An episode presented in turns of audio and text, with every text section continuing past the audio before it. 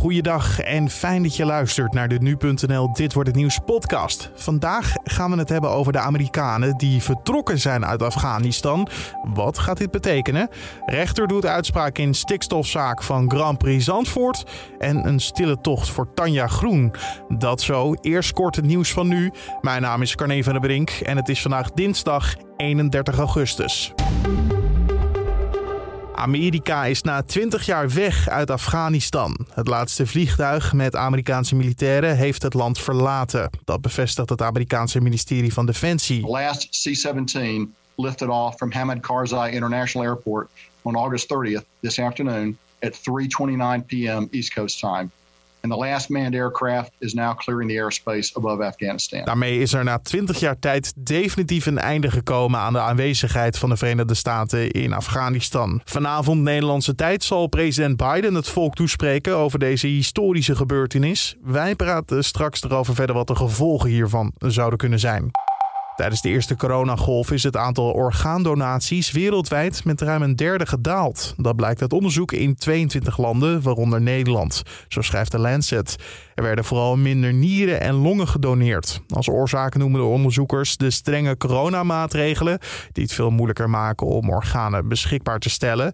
In totaal zijn er door teruglopen van het aantal donororganen wereldwijd 48.000 extra levensjaren verloren gegaan. De politie wil de foto's mogelijk van kentekencamera's gebruiken bij ernstige delicten. Dat zegt een chef van de landelijke eenheid in NRC. Bij een gewapende overval of een moord kunnen ze de foto's gebruiken voor opsporing. Het gaat dan om de ANPR-camera's die langs de snelwegen en provinciale wegen staan. Ze controleren nu alleen nog de kentekens van langsrijdende auto's, zodat de politie snel kan herkennen welke automobilist nog een hoge boete moet betalen. En door de kentekenfoto's breder te gebruiken kan worden voorkomen dat de politie politie toegang moet vragen tot andere privacygevoelige informatie, zoals de telecomgegevens van onschuldige burgers. Duizenden inwoners van Californië zijn op de vlucht voor bosbranden. Gaat om de stad South Lake Tahoe, waar 22.000 mensen het vuur proberen te ontkomen. De brand woedt al twee weken en heeft al honderden gebouwen en meer dan 700 vierkante kilometer land in de as gelegd. In Californië, dat geplaagd wordt door droogte, woeden meerdere bosbranden. De grootste heeft al bijna 3000 vierkante kilometer land afgebrand. En toeristen gaven vorig jaar 43% minder uit in ons land. In totaal gaat het om een bedrag van rond de 53 miljard euro. Dat blijkt uit onderzoek van het CBS. Door de lockdowns was het in het grootste deel van 2020 onmogelijk of heel moeilijk om op reis te gaan. Daardoor raakte de toeristische sector in één klap de groei van meer dan 10 jaar kwijt. De belangrijkste reden waarom toeristen minder geld uitgaven is het wegblijven van buitenlandse toeristen. En dan vertel ik je wat het nieuws vandaag gaat worden. Nou ja, de Amerikanen hebben zich dus volledig teruggetrokken uit Afghanistan. De Amerikaanse president Biden had eerder gezegd dat de missie van de Verenigde Staten op deze dinsdag 31 augustus zou eindigen. De snelle terugtrekking ging zoals bekend samen met de rappe opmars van de Taliban, die inmiddels bijna heel Afghanistan in handen hebben. Wat betekent dat voor de mensen die nog in het land zitten en tot nu toe dus nog niet geëvacueerd zijn? En kan de Taliban het land wel besturen? Die vragen stelde mijn collega Julien Dom aan militair historicus Christ Klep. Ja, het, het simpele antwoord is uh, nee. konden ze voor 2001 uh, ook al niet en dat zullen ze nu ook niet kunnen. Bovendien zijn we intussen alweer uh, anderhalf decennium, twee decennia verder. Dus het zal voor de Taliban extra moeilijk zijn om, om in deze, ja, noem het maar even, geglobaliseerde wereld met internet en alles wat erbij hoort, überhaupt een economie tot stand te brengen die werkt, überhaupt het land onder controle te krijgen. Dus het eenvoudige antwoord op je vraag is eigenlijk nee, ik denk het niet. Hey, en valkuilen, dat is dus vooral de elektronica, de wereld, iedereen is met elkaar verbonden. Dat is eigenlijk het grootste probleem.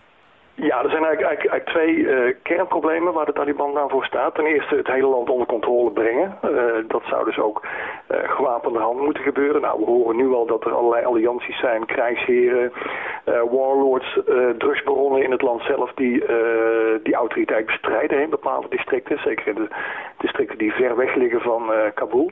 Ja, en ten tweede heeft het inderdaad te maken met het simpele feit dat een moderne staat een hele sterke structuur vereist. Ik bedoel, in Nederland vinden we dat wel moeilijk om, om deel uit te maken van internationale organisaties, om deel uit te maken van internationale communicatienetwerken. Maar je hebt die netwerken absoluut nodig om een enigszins centrale staat te kunnen opbouwen. En daarbij denk ik dat hulp van Rusland bijvoorbeeld, of van China of van andere buurlanden, ja, dat dat eigenlijk niet voldoende zal zijn. Nou, hebben we twintig jaar lang geprobeerd om democratie daar te brengen, een land op te bouwen. Ook al zegt president Biden van dat was niet per se de intentie. Is er daarvan toch iets blijven liggen of begint de Taliban eigenlijk vanaf vooraf aan? Ja, om te beginnen, de uitspraak van Biden is natuurlijk ja, eigenlijk een godspe. Om dat nu te zeggen dat het alleen maar was om terroristen te bestrijden uh, na 9-11 en dat het niet was om daar een staat op te bouwen. Uh, de officiële doctrine heette nota, notabene nation building in Afghanistan. Ik bedoel, uh, kom op, hè, wat, wat wil je dan nog, nog verder? Ehm, ja, het, het, het probleem is eigenlijk een beetje, als je de vraag stelt van was ik nou een succes of niet, is dat je eigenlijk, ja, wat wij in, in het jargon wel een, een verborgen vraag noemen een, een vraag die je eigenlijk niet goed kunt beantwoorden. En dat is omdat je daar een hele sterke morele lading aan koppelt. Hè? Dus eigenlijk stel je de vraag van zijn al die offers die we gebracht hebben, zijn die nou eigenlijk uh, voor niks geweest? Die vraag kunnen wij vanuit ons perspectief eigenlijk niet anders stellen. Hè? We, we, kunnen eigenlijk als Nederland niet zeggen, nou ja, we vergeten gewoon alle offers die we gebracht hebben en we kijken heel objectief naar het land wat we daar gebracht hebben. Kunt u die uh, vraag beantwoorden? Ja, ik, ik, uh, ik, ik, nou laat ik als insteek nemen. Uh, je tegenwoordig vaak hoort is dat we de Afghanen in ieder geval twintig jaar lang hebben laten wennen aan democratie. Dat is een argument wat je nu heel vaak hoort. Maar dat is niet, denk ik, en daarom is mijn antwoord eigenlijk ook toch, toch wel nee in grote lijnen. Uh, dat is niet hoe staatsopbouw werkt. Staatsopbouw is een evoluerend proces, wat eigenlijk een continu proces is over een periode van 100, 100, 150 jaar. Uh, misschien wel 200 jaar. We hebben er in Nederland ook eeuwen over gedaan om dat voor elkaar te krijgen. Uh, en ik denk dat die periode van 20 jaar, uh, dat dat niet voldoende is. Dan zou eigenlijk, zouden we door de schil heen hebben moeten breken van de Afghaanse maatschappij. En ook zaken als de paternalistische maatschappij, genderongelijkheid, de rol van vrouwen, de rol van mensenrechten, hadden we ook moeten veranderen. En ja, ik ben een beetje bang dat we moeten vaststellen dat we dat in de afgelopen 20 jaar niet gedaan hebben.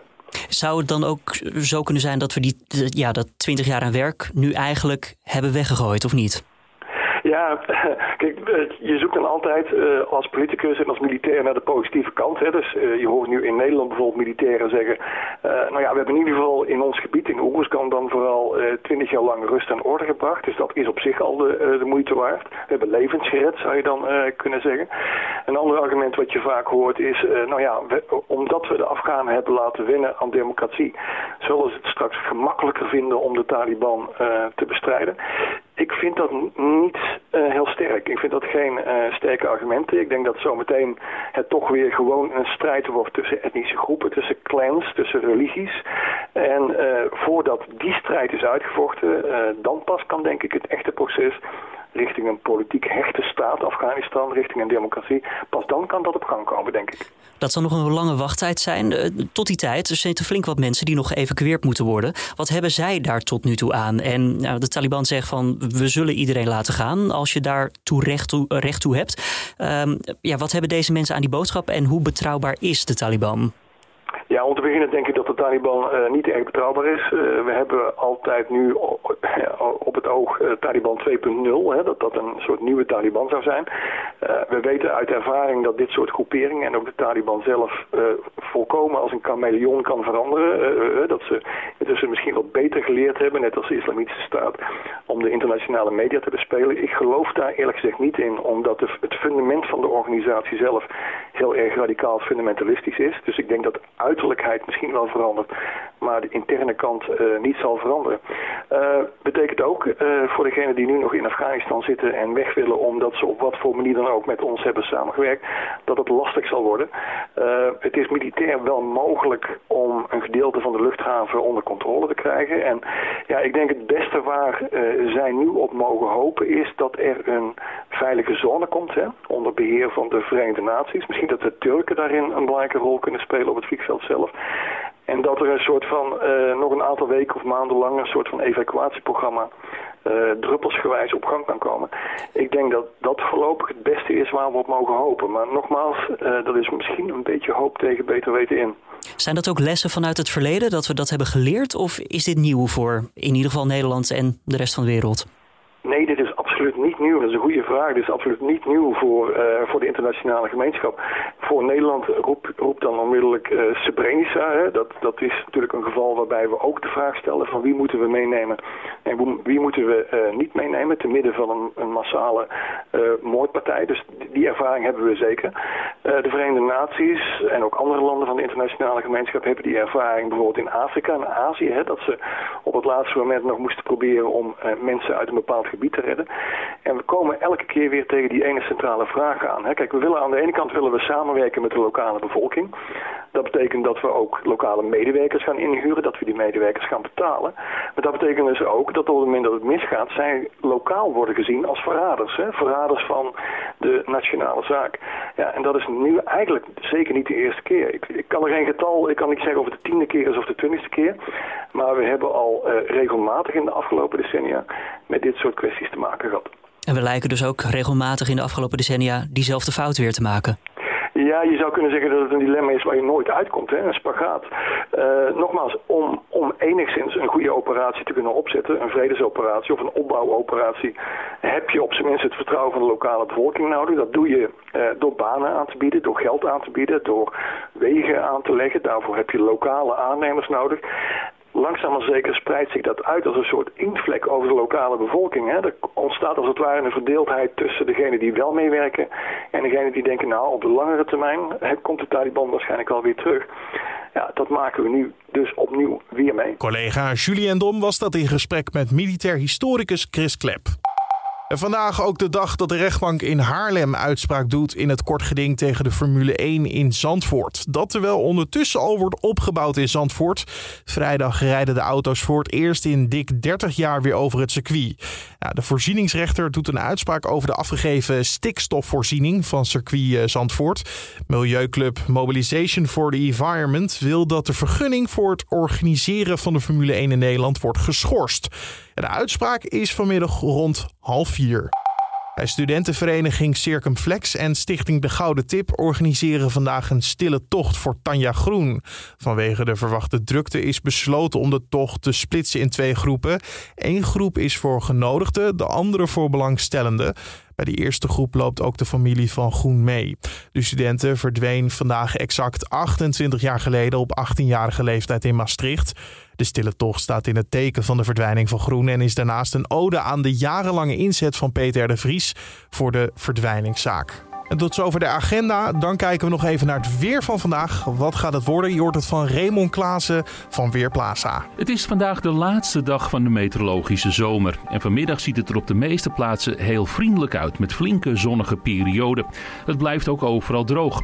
Alleen de ochtenduren die kunnen regionaal grijs verlopen als gevolg van nevel en mist. Vanmiddag wordt het zo'n 19 graden aan zee. Diepe landinwaarts kan het 22 of 23 graden worden. Er waait een matige wind uit noordelijke richtingen die het vooral aan de noordelijke kustlijn frisjes houdt. Dankjewel Raymond Klaassen van Weerplaza. En om af te sluiten nog even dit. In Berkel en Roderijs moeten bewoners met huisdieren goed oppassen. Er loopt namelijk een varaan rond. Dat is zo'n hagedis van uh, ongeveer 35 centimeters, zo meldt Rijnmond. Het beest heeft al een hond gebeten in zijn staart en die heeft er een nare wond aan overgehouden. Een reptielenvanger helpt nu om het beest te vangen, maar dat is nog niet gelukt, want het is niet de bedoeling dat omwonenden zelf op zoek gaan naar het reptiel. Als je hem tegenkomt, dan moet je de dierenambulance bellen. En waar de hagedis vandaan komt, is nog een groot raadsel. En dit was dan weer de Dit Wordt Het Nieuws podcast voor deze dinsdag 31 augustus. Dankjewel voor het luisteren. Zoals altijd deel de podcast met vrienden, familie, buren, uh, kennissen, uh, de, de, supermarktmedewerkers. Deel hem vooral en laat een recensie achter bij Apple Podcast. Morgenochtend zijn we er weer en hopelijk jij ook. Mijn naam is Carne van der Brink. Maak er een mooie dag van.